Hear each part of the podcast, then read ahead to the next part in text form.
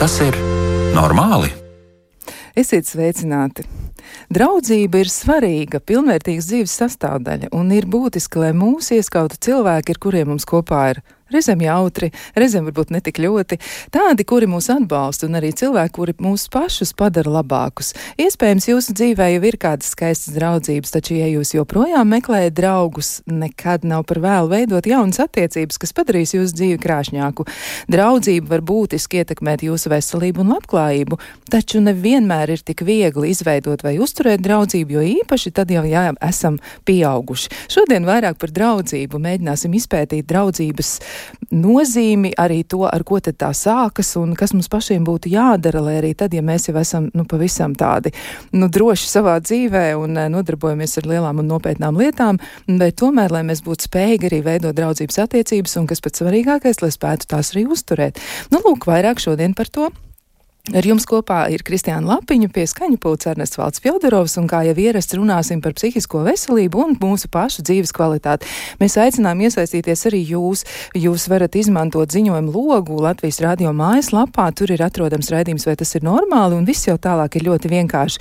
Un vēl ir nācis klāt arī jauninājums, ja kāds vēl nav pamanījis, tad es ar prieku varu teikt, ka mums ir arī iespēja sazināties caur WhatsApp. Jūs varat sūtīt ziņojumus, un es nosaukšu numuru, e, kurš ir izmantojams šim nolūkam nolūkam tātad 266 60 440. Šķiet, ka laikam tā ir pareizi, bet katram gadījumam ir vērts pārliecināties, vai nav ciparu par daudz 266. 0440. Šķiet, ka tā. Nu, lūk, nu tad uh, aiziet. Mēs par to visu arī varam runāt. Un, um, Ar, eh, esmu arī aicinājusi viesņu pie manis eh, šodien viesojas klīniskā psiholoģija Ieva Melne. Un eh, man tas pirmais jautājums Ievai būs tāds, nu, kas vispār ir draudzība? Vai mēs varam draudzību nu, kaut kā tā konkrēti definēt, vai tas ir kas tāds, ko mēs, nu, varbūt vairāk subjektīvi paši esam izdomājuši, kas tas ir? Labvakar, jā, šodienas temats, viņš, manuprāt, ir, tas ir nozīmīgs noteikti jebkuram cilvēkam. Un, ja runā par draudzību, kas tas ir, tad tās noteikti ir brīvprātīgas attiecības, kas sākas vismaz no diviem cilvēkiem un uz augšu. Un tad, tās vairāk ir attiecības, kuras visbiežāk būs informalas, neierobežojošas un labākajā gadījumā arī ilgstošas. Līdz ar to mm, tas būtu tāds. Tāds zinātniskajā literatūrā aprakstošais raksturojums ja, par to, kas ir draudzība. Bet, protams, katram pašam mums ir savs varbūt skaidrojums, ko tad priekš manis nozīmē draudzība, kā viņa izpaužas un kādas vērtības tur mēs varam atrast. Jā, nu tāds eh, labs raksturojums, eh, bet eh, jāatzīst, ka diezgan liela daļa cilvēku, būdami arī jau pieaugušā vecumā, atzīst, ka nemaz tik viegli nevedas ar draudzības veidošanu. Tad ar ko tas sākas? Kā mēs vispār sākam veidot draudzību un kurā brīdī tad mēs nu, var teikt, veidojam tās pirmās attiecības, kas varētu līdzināties kaut nedaudz draudzībai, kā mēs to vēlāk pēc tam izprotam?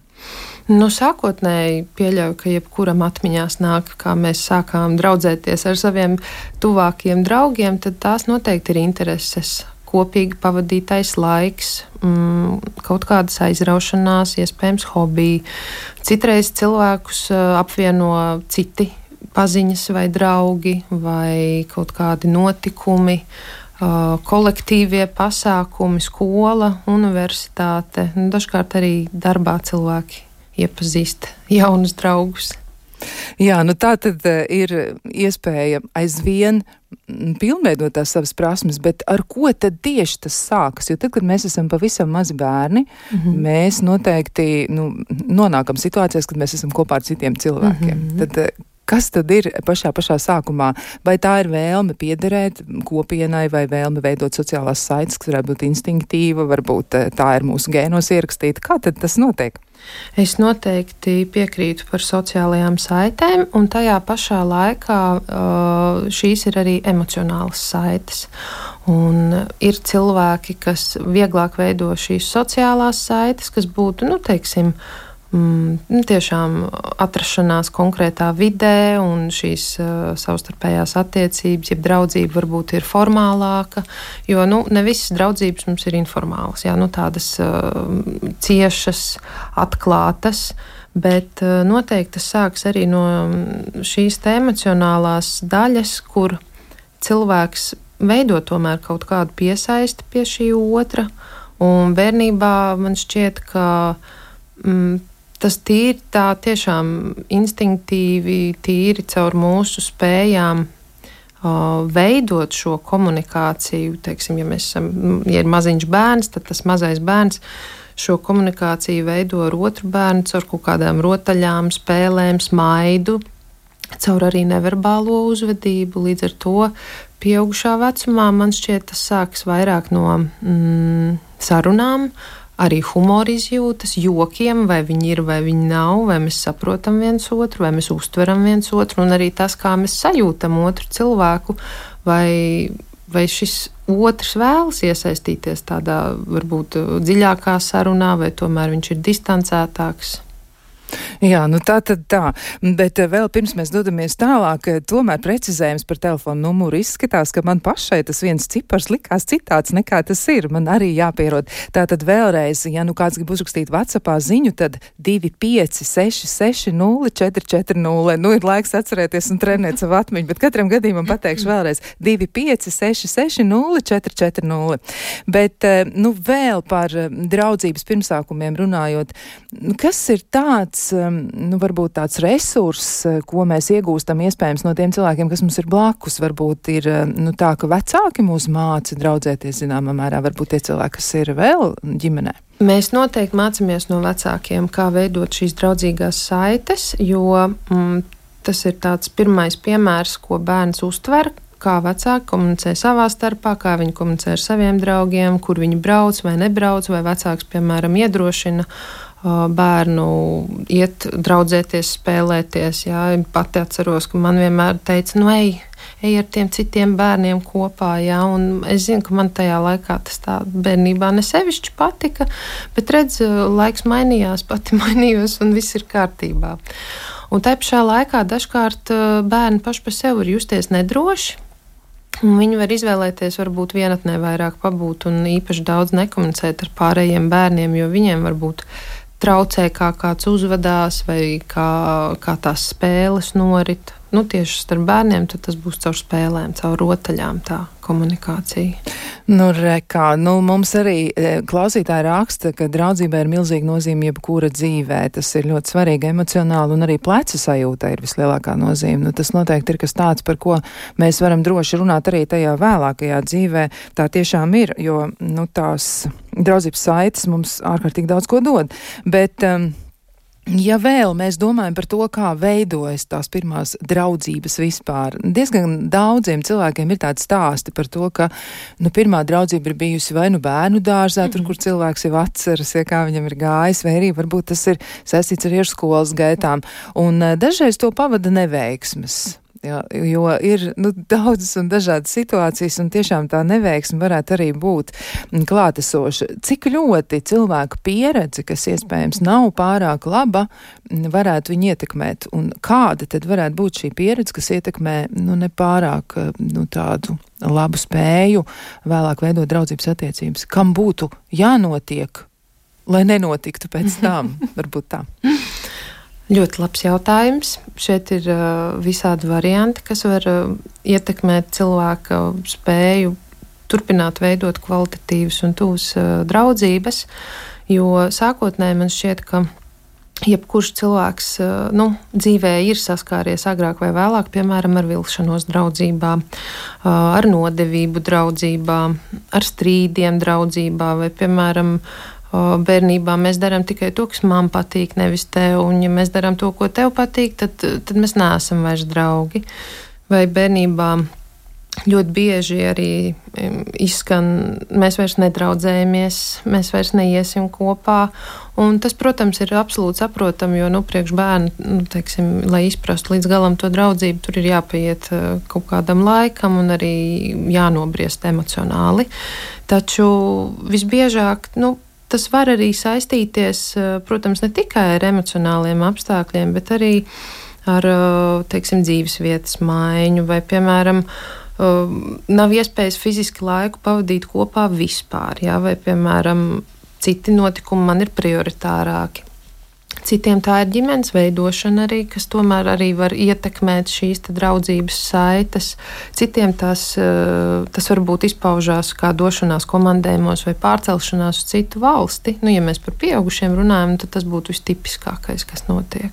Jā, nu tā tad pārmaiņas e, dzīves veidā un droši vien arī nu, tādas nu, sociālas pārmaiņas reizēm. Patiešām tas varētu būt arī jauns darbs.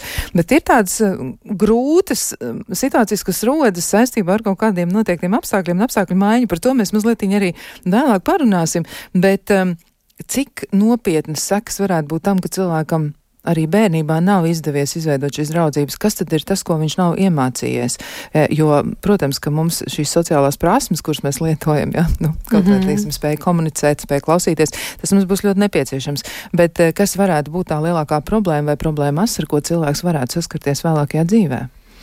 Nu, sākotnēji draudzēšanās mums palīdz uh, ne tikai iemācīties draudzēties, bet, uh, protams, atbild tālāk par šo pašu labklājību, ko tu minēji iepriekš, bet arī par spēju uzturēt kontaktu, socializēties, iekļauties, uh, arī gūt prieku no komunikācijas. Um, veidot ciešākas emocionālas saites, jo tajā visā draudzēšanās procesā o, mēs arī apgūstam tomēr o, tādu lietu kā empātija. Ja? Tas ir ārkārtīgi svarīgi dzīves laikā, o, ko mēs attīstam. Un, protams, ja mēs esam absolūti noslēgti teiksim, no saviem savu vecuma uh, draugiem vai, vai vispār no socializēšanās, tad tas noteikti var atstāt ietekmi uz uh, vairāk vai mazāk atkarībā no apstākļiem un situācijas arī uz psihisko veselību un uz to, ka mēs esam vientuļāki vai nu sociālā veidā, ka teiksim, mums tā kvantitāte nav tik daudz pavadīta, kvantitāte nav šajā komunikācijā, vai arī vientuļa emocionālā veidā, kas atkal atbild par kvalitāti. Jā, nu vēl klausītā raksta, ka šķiet, ka īsti un patiesi draugi ir uz mūžu, tas no pieredzes, bet nu, ir arī vilšanās, ir nodevība, diemžēl arī draugu lokā tā mēdz būt. Nu, jā, bet ja vēl mēs mazliet parunājam par to, kā mēs trenējamies veidot draudzības attiecības, tad tad, kad mēs esam nu, relatīvi jauni cilvēki, vai mēs esam bērnu vecumā, patiesi mums ir nu, tādas situācijas, kur kāds saka, nu šodien es ar tevi draudzējos, un rīt es ar tevi vairs nedraudzējos, mm -hmm. vai arī ir nu, arī vecāki ietekmi reizēm, viņi saka, nē, ar šo bērnu tu nedraudzēsies, un ar šo ir labi draudzēties. Mm, pētījumi rāda vienu interesantu lietu, tas gan ir par nedaudz pieaugušākiem cilvēkiem, ka draudzība ar kādu, kurš ir diezgan sekmīgs mācībās, vai arī kuram ir ļoti skaidri formulēta dzīves mērķi un kurš ir sociāli sekmīgāks, mm. veiksmīgāks cilvēks, izrādās, ka tās vedina arī viņu draugus, šādu cilvēku draugus sasniegt vairāk.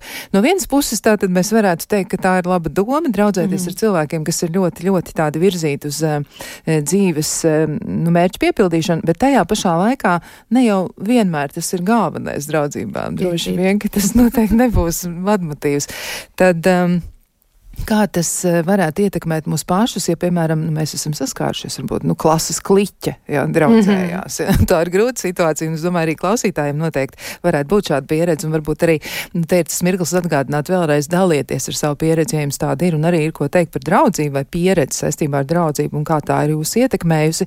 Dalieties ar to, jo tas varētu palīdzēt vēl kādam citam, un arī, protams, tas ir, nu, katrā ziņā jautājumu vērts. Bet kā tad ietekmē, piemēram, klases kliķe, jo klases kliķe parasti norobežo darbojas. Ja, tur cilvēki dzīvo tajā savā nosacītajā burbulī. Tad kādas sekas ir šim? Nu, nu, parasti klases klīķi ir tie foršie cilvēki, un vispārējie nav tik forši. Bet, uh, ja runa ir par tiem pārējiem, tad, protams, tas citiem var radīt to sajūtu, ka, es, ka man nepieņem, vai ka, piemēram, es neesmu tāds kā tā kliķe, vai ka man kaut kas pietrūkst.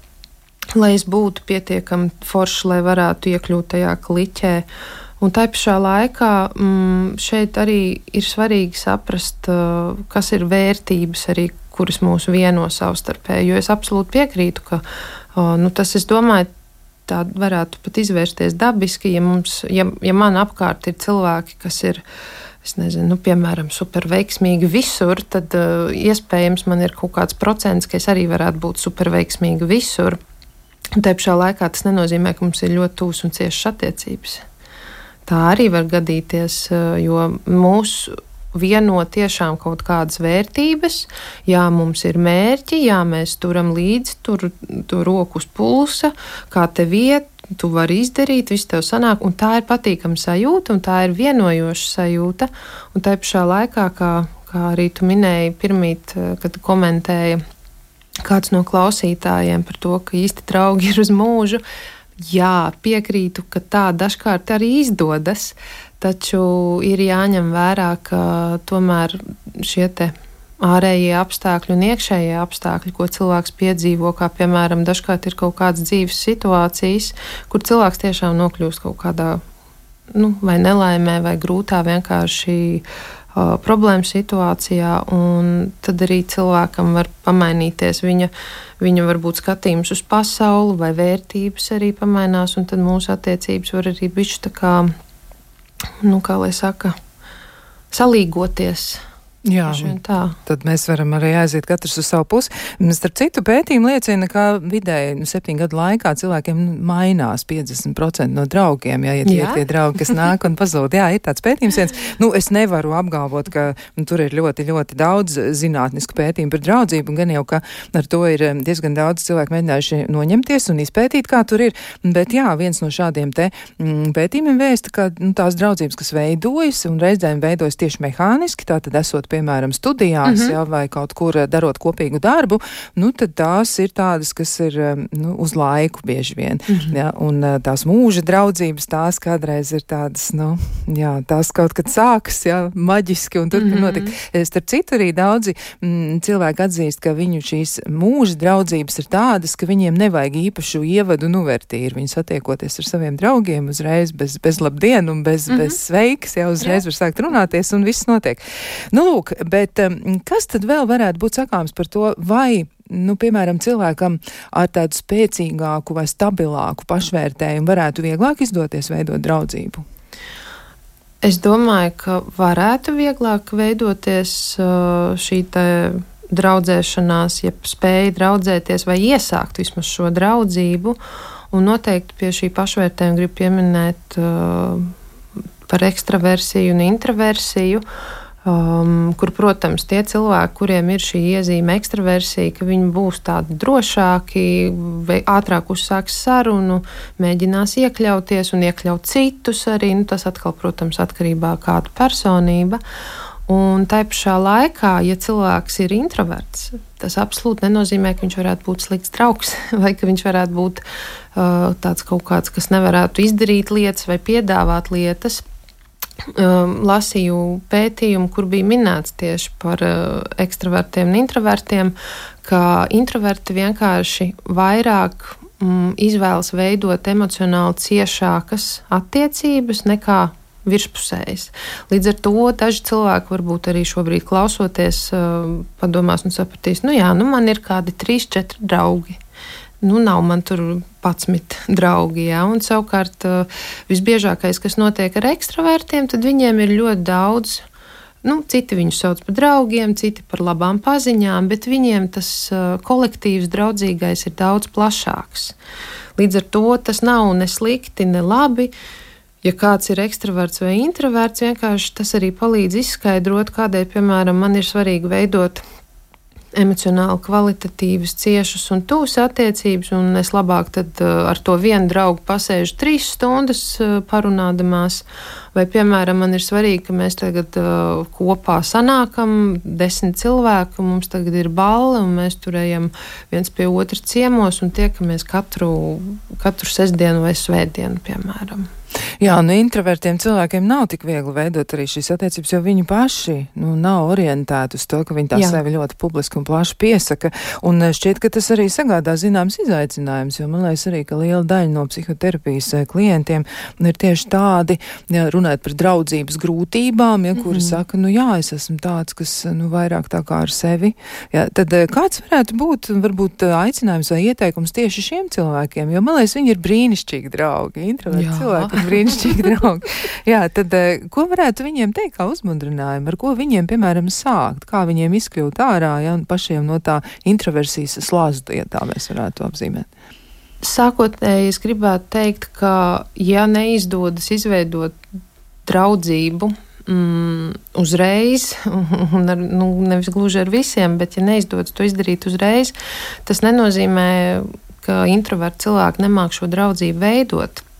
Jo dzīves laikā mēs sastopam ļoti daudz cilvēkus, un ne visi cilvēki patiešām vēlas veidot ļoti dziļas, emocionāli tuvas attiecības. Tas noteikti arī ir fakts. Līdz ar to es domāju, ka tas ieteikums būtu noteikti nebaidīties un mēģināt veidot šīs attiecības, un noteikti kāds cilvēks būs, ar ko varēs veidot šādas tuvākas draudzības. Kur, par tuvām draudzībām es domāju, teiksim, ka man ir kāds, ar ko es varu parunāt par savām grūtībām, jā, vai ar ko mēs kopā varam aiziet uz kino, vai ar kuru mums kopā vienkārši ir intereses, un mēs kopā varam pasēdēt, palasīt grāmatu. Jā, nu, varbūt nevienlaicīgi, bet mēs viņu varam lasīt un tad dalīties viens ar otru. Jā, nu arī tāds jautājums ir, ja cilvēkam nav draugu, par ko tas liecina, jā, tad mm, kā, kā mēs varētu to iztulkot, ja cilvēkam tiešām nav draugu. Un tādi gadījumi ir. Ja, cilvēki mm -hmm. arī reizēm nāk uz konsultāciju un saka, nē, man nav neviena drauga. Objektīvi, tiešām neviena. Mm -hmm. Viņi jūtas vieni, viņi arī mm -hmm. tiešām to izjūt kā tādu diezgan lielu slogu. Ja, tad par ko tas varētu liecināt? No šobrīd man ir jāsaka ļoti labi, ka cilvēks iet uz terapiju, jo tas noteikti ir kā atbalsts. Tieši šādā brīdī, kad nu, cilvēks apzinās, ka man tiešām nav draugu, bet uh, šeit ir būtiski paskatīties, papētīt, kas tieši ir noticis, kādēļ šīs draudzības saites neizdodas izveidot. Uh, vai viņas ir virspusējas, vai viņas ir dziļas, bet teiksim, kādēļ tas, tas neizdodas. Jā? Jo šīs, šīs grūtības, nu, ja cilvēkam nav draugu, tad viņš noteikti saskarās ar vientulību. Un tas ir viens no galvenajiem, par ko arī tiek minēts daudzos pētījumos. Un, um, arī lasot dažus pētījumus par draudzību tika arī minēts tas, ka arī nu, tas, ka, cik mums tie draugi ir, tas arī paredz to, kāda mums tā labklājība veidojas. Jā, patiesi pētījumi tiešām to saka, un vēl arī ir tā, ka ir tāds eh, nu, ļoti skaidra konkrēta saikne atklātu pieaugušajiem ar spēcīgiem sociālajiem sakariem ir samazināts daudz nozīmīgu veselības problēmu risks, to starp depresiju, jā. jā, arī paaugstināts asinsspiediens, neveselīgs ķermeņa masas indeks, arī tas.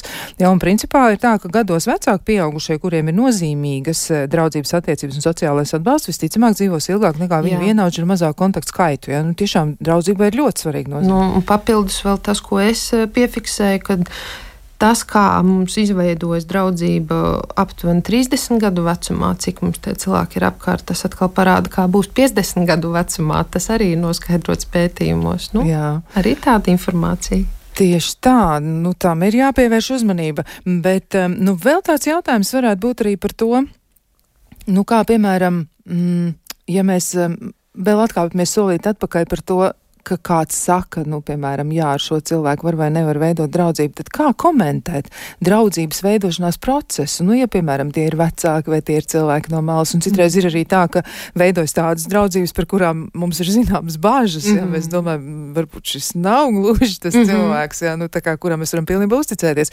Tad kā komentēt pašu draudzību, ko ielikt tajā skaidrojumā, lai e, cilvēkam nu, pateiktu varbūt to pašu, pašu labāko par draudzēšanos?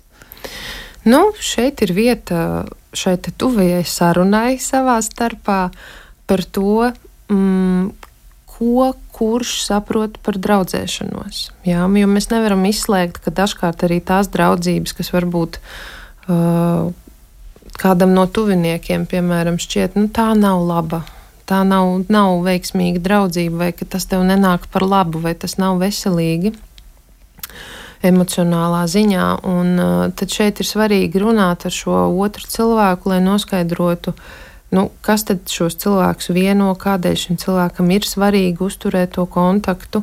Un, uh, teiksim, kas ir tie varbūt ieguvumi arī. Jo dažkārt, lai cik skumji tas nebūtu, bet dažkārt attiecības tiešām ir tik virspusējas, ka viņas pastāv tieši nu, teiksim, no tā, kādu labumu es varu iegūt.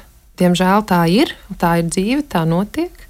Bet, uh, lai teiksim, labāk uh, paskaidrotu cilvēkam, ka šī varbūt šīs attiecības nav tās pašas labākās, šī draudzība nav tā pat labākā, tad noteikti ir vērts būt atklātam un mierīgā veidā izrunāt par to, kāda tad veselīga draudzība varbūt izskatās. Lūk, un kāda tad ir veselīga draudzība? Nu, šis ir arī labs jautājums, jo um, ar veselīgu draudzību, kā es to saredzu, uh, tā ir tā ir draudzība, kurā mēs varam dalīties savā starpā. Um, es varu uzdot, piemēram, draugam jautājumu, nu, kā tu jūties, kā, kā tev iet, vai varbūt kādā grūtā mirklī piedāvāt palīdzību. Ja? Um, draugi viens pret otru izrāda interesi ja, un rūpes uh, viens par otru izrāda. Tad, um, dalās dažkārt arī cilvēki par to, nu, kādu lomu tu ieņem manā dzīvē. Ja? Jo uh, reizēm tas tiešām stiprina draudzību. Ja mēs otram varam pateikt, ka tu man esi tik labs draugs, ka tu tiešām nu, tu man tik daudz palīdzēsi, un ko es darītu, ja man tevis nebūtu. Un, protams, arī tas, ka mēs nenosodam otru cilvēku. Jā, ir situācijas, kur draugam jāpasaka, klausies, nu šis gan nebija forši, vai arī meklē palīdzību sev, vai teiksim, ka tev, tev jāmeklē varbūt. Um, Cits darbs, piemēram, jā, nu, un, un tādā veidā tā atklātība ir būtiska, bet uh, tā nenosodīšana izpaužas uh, nu, ka mēs neatmetam roku šim cilvēkam. Mēs nepasakām, oi, nē, tu neesi, tu neatbilst manām vērtībām, vai arī tu, nees, tu neapgrozies kaut kādā vidē, kas man ir svarīgi, un tas ar tevi neiešu. Jā. Vai, piemēram, ir cilvēki, kas var būt ļoti labi uh, biznesa cilvēki, jā, un viņiem kaut kas dzīvē notiek, viņi zaudē savu darbu, un tad tie draugi vienkārši pagriež muguru. Nu, tā noteikti nebūs veselīga draudzība. Jā, nu tā tad arī par to vilšanos, jā, par ko min arī klausītāji, ka tas tiešām reizēm ir sastopams draudzībā, un tā laikam nebūs tā, nu, tā, tā izjūta, ko mēs gribētu piedzīvot. Mm -hmm. Nu, ko mēs? Turpināsim sarunu par draudzību pēc īsa brīža.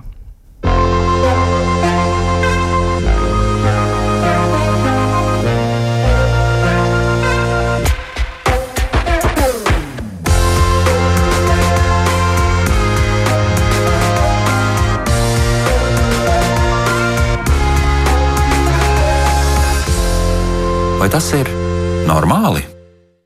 Mēs turpinām sarunu par to, kā mēs spējam draudzēties, kas vispār ir draudzība un eh, ko tad mums vajadzētu zināt par to. Un varbūt ir arī kādas prasmes, kas mums ir jāattīst, lai mēs varētu draudzēties, jo liekas, ka nu, ļoti daudz pētījumu apliecina, ka draudzībai tiešām ir ļoti, ļoti būtiska nozīme mūsu dzīvē, un tā nodrošina arī gan tādu ilgu mūžību, gan arī psihoemocionālo veselību, un arī pat tādi fiziskie rādītāji var būtiski mainīties. Un droši vien jau, ka draugs arī varētu izķeksēt kādu no gultas un teikt, nu, tur nenīk mīksti nāc, ejam ārā, ārā ir tik skaista diena. Un eh, mēs uzreiz arī esam reizēm gatavi, nu, tiešām darīt kāds everģelības vai darīt ko kopā ar draugiem, un patiesi tas atmaksājas. Draudzība ir tā vērta, lai to mēģinātu izveidot. Bet, nu, pirms mēs dodamies tālāk, man ir jāuzdod jautājums studijas viešņai.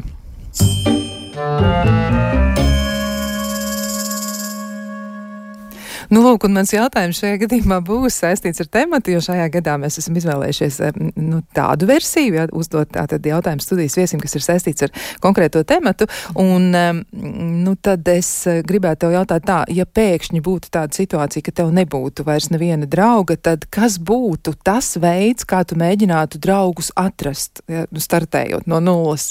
Hmm. Nu, atklāšu kaut ko jaunu. Man ir tā gadījies patiešām um, ka es attopos situācijā, kur es saprotu, nu, ka es esmu palikusi tā pati pa sevi, vairāk vai mazāk. Un, uh, es arī sapratu, tajā vecumā tas bija nu, vidusskolas laiks, kad es sapratu, ka nu, kaut kas ir jādara. Nu, tas nevar šitā dzīvoties vispār, un vēl jau vairāk man pašai man patīk komunicēt ar cilvēkiem. Un tas, ko es darīju, pirmkārt, eh, paldies maniem vecākiem, kas bija atbalsts tajā laikā, jo es ar viņiem varēju runāt par to. Jo viņi dalījās savā pieredzē, un man tas kaut kā patiešām palīdzēja saprast vairāk cilvēkus vispār. Un tas, ko es darīju, es vienkārši um, sāku sarakstīties ar vienu skolas biedreni, un tad viņi man sāka aicināt ārā pastaigāties. Tieši kā tu nu pat teici, ārā ir superīgs laiks ejam, un tad es iepazinos uh, ar, ar, ar citiem skolas biedriem. Un sākumā tas bija grūti, jo es uh, pavisam atklāti arī varu pateikt, ka man bija ļoti tāds uh, nervos skatiens uz to, vai es varu cilvēkiem uzticēties.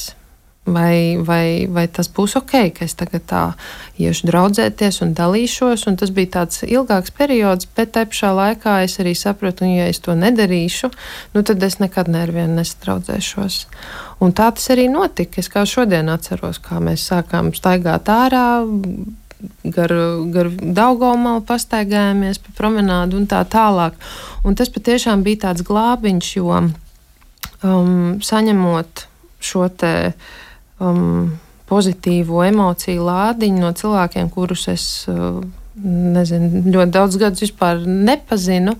Un runājot nevis par to, cik viss ir slikti, bet par to, kas var būt forši. Par nākotni, par draudzību, par to, kur doties, kur aiziet. Tas patiešām deva tādu cerīgu sajūtu, un joprojām var pateikt, ka šobrīd arī tās attiecības joprojām ir manā dzīvē ar šiem draugiem. Un tas ir ārkārtīgi patīkami un ļoti, ļoti priecīgi. Nu, lūk, nu tad savā ziņā arī tāds mm, pamatīgs iedrošinājums tiem cilvēkiem, kur raizēs ļoti šobrīd par to, kā viņiem veidot draudzības attiecības. Bet um, vēl tāds jautājums arī par to, nu, ja, piemēram, cilvēks ļoti, ļoti aktīvs ir sociālajos tīklos, viņš ļoti daudz raksta par sevi, viņš mm -hmm. pauž, nu, tādas arī reizēm ļoti personiskas un arī tādas privātas e, lietas stāsta.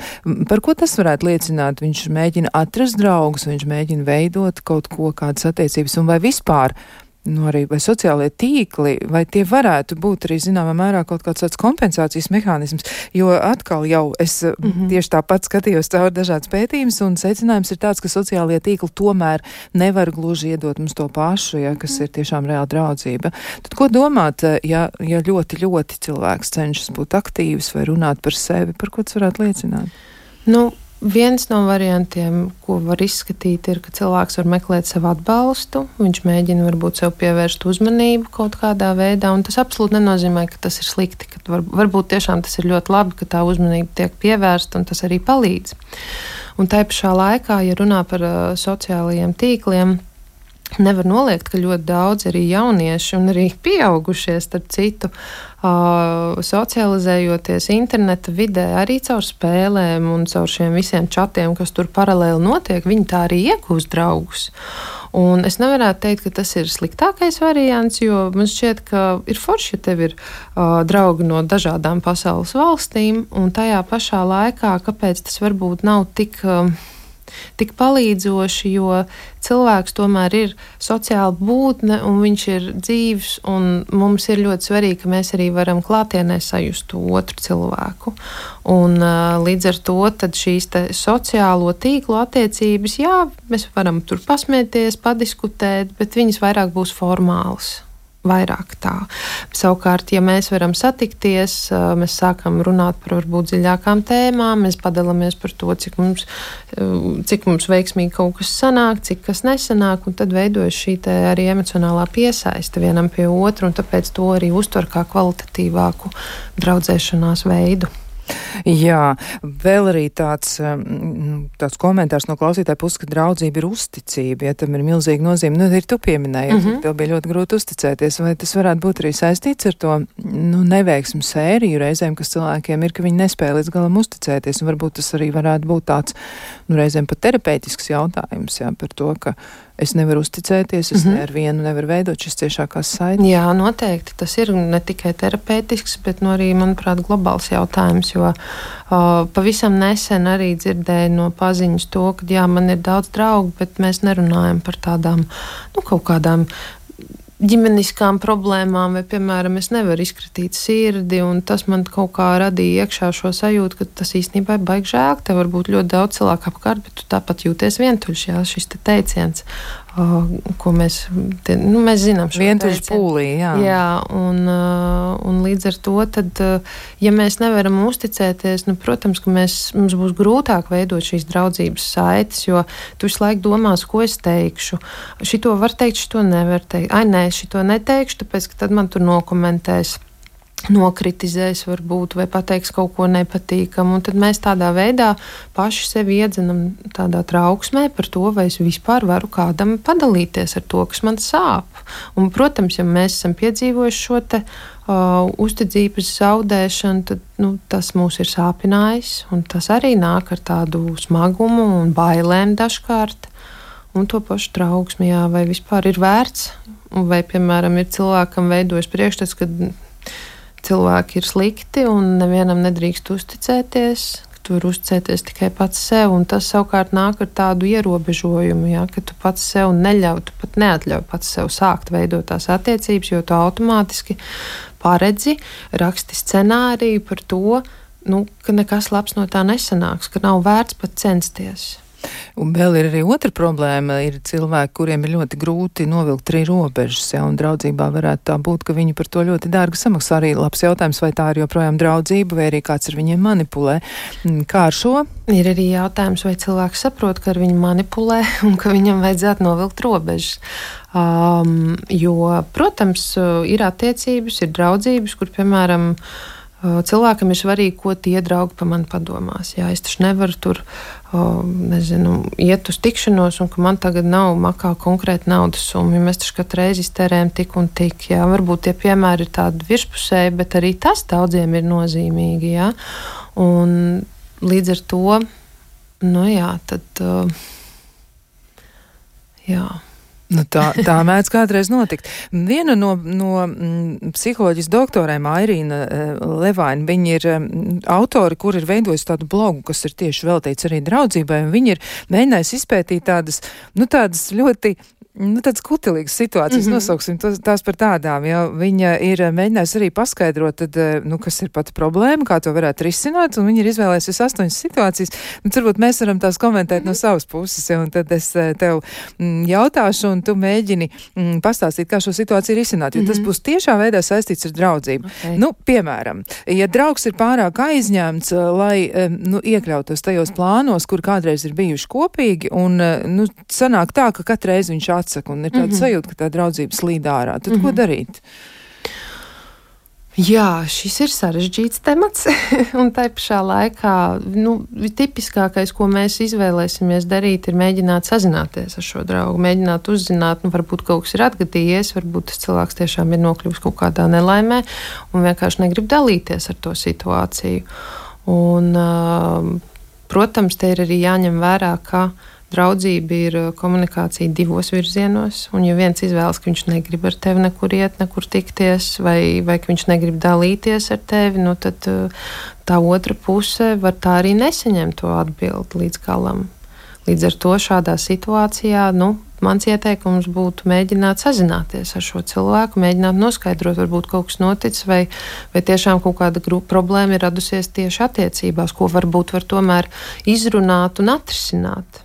Jā, nu vai vismaz izpētīt un saprast, Jā. kas tur īsti notiek. Nu, vēl viena problēma, ar ko saskars diezgan daudz cilvēku, sevišķi tad, kad sāk veidoties arī citas attiecības, ja, un ir, mums ir brīnišķīgas draudzības, un tad sāk veidoties romantiskas attiecības. nu, un tad ir diezgan liels problēmas, ja, un viena no tām problēmām arī, ko Airīna Levaina ir minējusi, m, mm, jūs, ne, nu, ka cilvēks nevar ciest īsti. Nu, tā arī saka, ja, nu, tā arī saka tieši tādiem arī, es nevaru ciest sava drauga, m, mm, e, nu, sava drauga draudzeni, ja, mm -hmm. vai, vai, vai vēl kā citādi ja parādās tas partners, un viņš parādās tajā draudzībā, viņš tur iesaistās, un viss un tagad uh, nav vairs mm -hmm. tā, kā mhm. bija.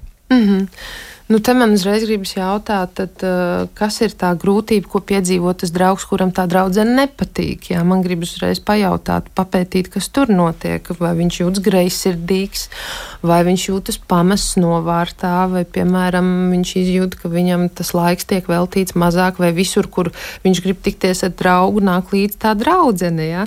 Nu, it kā tā, uh, it kā ar humoru pie tā pieejot, un tā pašā laikā. Mm, šeit arī ir svarīgi izrunāt šo jautājumu. Tā pašā laikā um, draudzīgas attiecības uh, ietver sevi arī otra cienīšanu, jā, arī to izvēli, ka šis otrs draugs vēlas veidot attiecības, un kad, lai attiecības izveidot, nu, tur ir jāvelta laiks. Un visādi citādi jāieguldās, ir īpaši vēlās uh, stabilas attiecības vai veidot ģimeni. Un šeit noteikti arī būtu nepieciešama saruna, izrunāšanās. Un tie jautājumi, kurus es pirmīt uzdevu, jā, tad kas tieši ir tā problēma. Tas cilvēks viņam nepatīk, ar ko tas draugs kopā, vai viņš pats jūtās atstāts novārtā. Jā, var būt dažādi, bet, nu, atkal jāmēģina runāt. Nu, vēl viens tāds eh, situācijas variants, nu, varbūt mēģināsim apvienot vairākas lietas vienā, mm, nu, tas varētu būt par to, ka notiek kaut kāds būtisks pārmaiņas. Nu, piemēram, kādi no draudzenēm gaida bērnu, ja, un pārējās draudzenes tajā brīdī vēl ir, kā saka, nu, tādas diezgan brīvas mm. savās darbībās un, un, un var eh, izvēlēties, kā pavadīt laiku, un viņām nav, nu, jāuzņems papildus atbildība. Un tad, um, ko ar šo, jo reizēm arī tas izšķir cilvēks, tātad nopietnas dzīves pārmaiņas, un tā draudzība arī kļūst tāda, nu, kā tu teici, vienā brīdī salīgojas. Mm -hmm. ja? mm -hmm. Kā ar šo? Um, šādā situācijā, kā jau pēc visiem, uh, visiem noteikumiem, ja, kas tā draudzība ir, tad atkal respekts vienam pret otru, respekts pret uh, katru izvēli. Un, un tas ir absolūti normāli. Ja ja piedzimst bērni, tad nu, pazūd tas laiks, ja, ko veltīt uz ārpusi. Un tai pašā laikā nevienmēr eh, tām tikšanās reizēm var būt jānorit eh, kaut kādā mm, konkrētā veidā. Varbūt mēs varam vienkārši satikties un pastaigāties, ja un tur mazais ratiņos guļ. Ja. Varbūt var aizbraukt pie tevis ciemos, tev nav jābrauc kaut kur, kur es tur atrodos. Mēs varam sazvanīties, mēs varam sarakstīties. Tas, ka pamainās intereses vai vērtības, vai, piemēram, nu, nu, tev tagad ir svarīgi nu, bērni, ģimenes dzīve, visas tās lietas, kas saistās ar uh, ģimenes stabilizēšanu, bet man savukārt, piemēram, no tā visa pagaidām nekas nav. Tas nenozīmē, ka mums ir jāšķirās. Mēs varam turpināt uzturēt uh, attiecības, bet te noteikti ir arī jāpievērš uzmanība tam, nu, teiksim, vai abas puses vēlas šīs attiecības uzturēt. Jā, nu vēl tāds ļoti, manuprāt, Nu, savā ziņā diezgan bieži sastopams piemērs varētu būt arī tāda reāla situācija, ko autori apzīmē ar draugu malu medniecību. tāds brīvs tulkojums, tā mēs varētu to nosaukt. Nu, ir situācijas reizēm tādas, ka cilvēks, kuram varbūt ir šis viens draugs, mm -hmm. ja, un mhm. viņš varbūt šo draudzību ir izveidojis ar zināmām pūlēm, un tiešām tas nav veicies tik viegli, bet viņš iepazīstina savu draugu vēl ar kādu, un tas otrs draugs, šī jaunā draudzība būtībā paņem to, to draugu prom, un šis mm -hmm. mūsu nu, tā teikt, galvenais varonis vai varone paliek bez sava drauga, jo laiks, kas tiek veltīts viņam, aizvien vairāk sarūk, mm. un beigu beigās viņš nonāk situācijā, kad viņš atkal ir viens pats. Ko tad darīt, kā ar šo tik galā un kā mēģināt, nu, tomēr turpināt justies labi, jo nu, draudzība ir, mm -hmm. ir mainījusies vai pat zudusi. Mm -hmm. Ļoti skumji izklausās patiešām. Un man noteikti gribās teikt, ka nevajag zaudēt uh, cerības un ir jāmēģina dzīvot tālāk un ir jāmēģina iespējams veidot jaunus kontaktus un tiešām veidot arī jaunas draudzības. Un atkal nav jāšķirās, bet uh, atkal ir vērtīgi parunāt par šo, taču dzīve ir dzīve, un reizēm dzīve ievieš kaut kādas korekcijas, kuras mēs negribam vai nevaram nokontrolēt. Uh, taču tas nenozīmē, ka mums vairs nekad neizdosies izveidot šīs attiecības. Jā, tas var būt grūti. Jā, ir cilvēki, kuriem patiešām tas prasa ļoti lielu ieguldījumu, laiku, uh, tīri emocionāli tikt ar to galā, un viņi grib traudzēties, bet viņiem tas tiešām paņem ļoti daudz enerģijas. Un tur tiešām ir nepieciešami resursi. Uh, taču noteikti ir vērts mēģināt veidot jaunus kontaktus, un mēs nevaram gaidīt arī, ka tikko mēs veidojam šos kontaktus, ka mums uzreiz būs ļoti dziļa emocionāla un cieša draudzība. Tas viss notiek ar laiku, un reizēm arī Paiet ļoti daudz gadiem, cilvēki šīs attiecības neizveido tik ciešas. Tā arī mēdz notikt, un tas atkal saistīts ar to, cik ļoti es esmu ieinteresēta, un otrs ir ieinteresēts, lai šīs attiecības uzturētu, lai tajās kaut ko ieguldītu, lai tās būtu kvalitatīvas. Tas nav tik vienkārši. Ja mēs vēlamies vienkārši grupu ar cilvēkiem, ar kuriem varam kopā satikties, iekāpt lidmašīnā, aizlidot uz Grieķiju, padzīvot un braukt atpakaļ un un nesazināties tuvāko gadu. Ja? Nu, jā, tāda drauga arī var būt cilvēkiem, un tas nav nekas nosodāms vai slikts. Bet, lai veidotos uh, šīs ciešās, tuvās emocionālās attiecības, kas ir uh, bez šī nosodījuma, un kuras var ilgstoši veidoties, tad tam, tas, tas tiešām balstās uz laiku un uz to, kā mēs atklājamies viens otram. Turklāt arī pētījumos tiek minēts, ka arī tad, kad cilvēks piedzīvo grūtus uh, dzīves periodus, kaut kādus zaudējumus vai pārmaiņas, tad tieši tas, ka mums ir šis draugs vai draudzene vai šī draugu kopa, uh, tas stiprina mūsu attiecības. Arī tad, ja mēs kā draugi strīdamies Tas mums ļauj paskatīties uz savām vērtībām, uz otra vērtībām, uz to, kas ir kas, kāpēc mums tāds ķīviņš ir sanācis un mācīties vienam no otra. Un labākajā gadījumā tikt tam pāri, un labākajā gadījumā numur divi izrunāt to un dzīvot tālāk un veidot šīs attiecības tālāk patiešām. Un tas cilvēkus tuvina. Jā, ir arī tāda padoma par to, kas varētu palīdzēt veidot draudzības attiecības un uh, Viens no padomiem ir, nu, ka draudzība būtu jāuztur kā tāds emocionāls bankas konts. Noteikti. Jā, jo katra, katra laipnība un katra pateicības izpausme ir kā iemaksa šajā kontā. Savukārt kritika un negatīvisms nu, paņem kaut ko nost, ja, un tad mēs mm. padarām šo te kontu mm, pliekanāku, ja mazāk tur ir tā summa. Nu, lūk, bet kā mēs varētu iedrošināt un kā mēs varētu piedāvāt arī meklēt draugus tiem cilvēkiem, kuri ir nolēmuši to darīt, bet ir secinājuši, nu, kā tu pati teici, ja tev bija brīdi situācija mm -hmm. dzīvē, tu biji vēl ļoti, ļoti jauna, bet tomēr tu saprati, ka nu, ir tā, kā ir. Es esmu viena, un man ir mm. jāveido draudzības saites no jauna. Ko mēs varētu ieteikt tiem cilvēkiem, kuri ir noraizējušies par to, jo tā tiešām nav viegla situācija? Nē, tā nav viegla. Uh, ja mēs runājam, piemēram, kur to darīt, jā, tad noteikti, kā es arī pirms kāda laiciņa minēju, tie ir dažādi hobiji, aizraušanās, aktivitātes, kurās iesaistoties būs vēl citi cilvēki, ar kuriem var iepazīties. Doties visādos notikumos, pārgājienos, nezinu, citreiz caur dejām, koncertos, dejot, dziedāt un tā tālāk. Bet, ja runāt tiešām par šo te sevis iedrošināšanu, lai tu spētu veidot šīs attiecības, es noteikti teiktu, nebaidīties riskēt. Jo, lai arī tā sajūta, kad eh, cilvēks viļās, ir nepatīkama, tā sajūta pāries, un tie īstie cilvēki tavā dzīvē tiešām parādīsies, un viņi tur būs. Bet, ja mēs paši neesam atvērti, ja mēs paši neļaujam sev pieredzēt arī tās nepatīkamās lietas, jo vienkārši tas nav forši, tā nav forši just to visu. Ja? Nu, tad tas mums arī nepalīdz attīstīties un labāk izprast, teiksim, kāda draudzība tad tad ir tā, ko es gribētu savā dzīvē. Varbūt es tiešām gribu veidot draudzību, kur es varu uzticēties un kur es varbūt varu arī izteikt šo kritiku, bet otrs cilvēks neņems to kā aizvainojumu, bet pateiks, varbūt, ok, paldies, ka šis man noderēja īstenībā. Jā, un, un ar kritiku arī, nu, kā mēs zinām, to var dažādos veidos pateikt.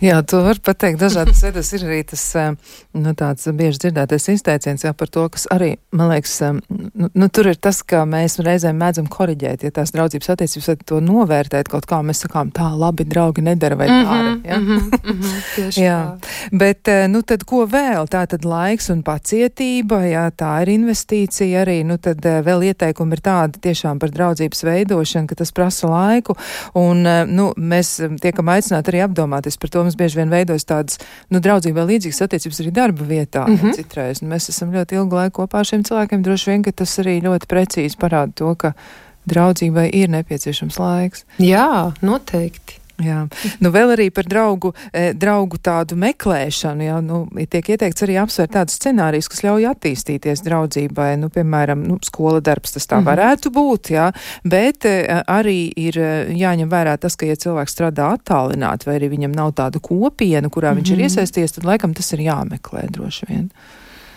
Tu domā, draudzība jāmeklē? Jā. Noteikti, absolūti piekrītu, bet uh, uz šo brīdi, cik arī man ir tā informācija, tad arī tie cilvēki, kas strādā no mājām, um, Viņiem ļoti bieži veidojas šīs attālinātās draudzības. Jā, jo, piemēram, ir cilvēki, kas um, strādā tā, ka ir jānodod maiņas, vai ka tur jāpastāst otram, kas ir bijis. Grib, negrib, tur tā komunikācija veidojas, un cilvēks spēja arī attālināt, veidot šīs attiecības. Un tad, kad satiekās birojā, tad tur ir vienkārši tāds smaids sejā, jā, kad, o, cik forši tev redzēt, tā arī var būt. Bet uh, noteikti visas aktivitātes kas ir iespējams, kas pašam aizrauja, kas patīk, kur tu tiešām arī tici, ka tu sastaps līdzīgi domājošus. Tur arī noteikti var atrast cilvēkus, ar kuriem var veidot šo draudzību. Jā, man liekas, arī labs ieteikums ir meklēt pēc tādiem atslēgvārdiem, nevis vienkārši nu, kaut kā mm -hmm. mēģināt sekot līdzi tur, kur ir kādas aktivitātes, bet likt savus atslēgvārdus mm -hmm. kaut vai tajā pašā internetu meklētājā un tad meklēt tās kopienas daļas, kas mm -hmm. sola nu, lielāku varbūtību. Nu, varbūtība tur ir, ka varēs atrast draugus. Jā, Jā nu varētu arī vēl mēģināt pretoties kārdinājumam palikt mājās, arī tas ir traucēkli. Nu, tas noteikti, bet šeit es ieteiktu ieplānot tiešām atvaļinājumu, kur cilvēks atpūtas atpūšas no visa, visa un paralēli pēc tam, kad ir laiks, tad arī veido šīs draudzīgās attiecības lai nepaliktu visu laiku mājās. Jā, nu ko lai saka, draudzība tiešām nav tāda vienkārša lieta, un izrādās, ka tur ir diezgan daudz tie zemūdens akmeņi, sākot ar to, kā mēs paši jūtamies, sākot ar pašvērtējumu un to, ko mēs paši par sevi domājam, beidzot arī ar tādām objektīvām grūtībām, jo tā tiešām var būt dzīve mainās, Jā. draudzība mainās, mainās arī mūsu attiecības, un kā tu pieminēji, vērtības sistēma reizēm arī ir tā, kas var mūs gan satuvināt, gan šķirt. Tieši tā. Jā, nu, ko lai saka, nu, tiešām paldies par um, ieskatu draudzības draudzības noslēpumos un arī par to, kas ko kā. Ceram arī, ka klausītājiem mēs palīdzējām vismaz ar dažiem saviem ieteikumiem un tiešām mēs varam aicināt nebaidieties tik ļoti no tā, kas varētu notikt ārpus dzīvokļa vai jūsu ierastajām četrām sienām. Mēģiniet sev iedrošināt. Ja pavisam grūti, meklējiet kādu, kas jūs var atbalstīt šajā procesā, bet noteikti jūs gan esat pelnījuši labus draugus, gan arī paši par tādiem spējat kļūt. Lai jums izdodas izveidot draudzības saites, puses, un es no sirds novēlu no savas puses, lai tiešām tās ir stipras un sniedz jums daudz prieka. Nu, ko mēs ar jums tiksimies kādu citu reizi? Ar jums kopā bija Kristiāna Lapiņa, bet pie skaņa pūts bija Ernests Valds Fjodorovs. Lai gaiši, un vēlreiz paldies arī Ievai Melnē, kas bija šī vakara viešņa. Paldies! Atam.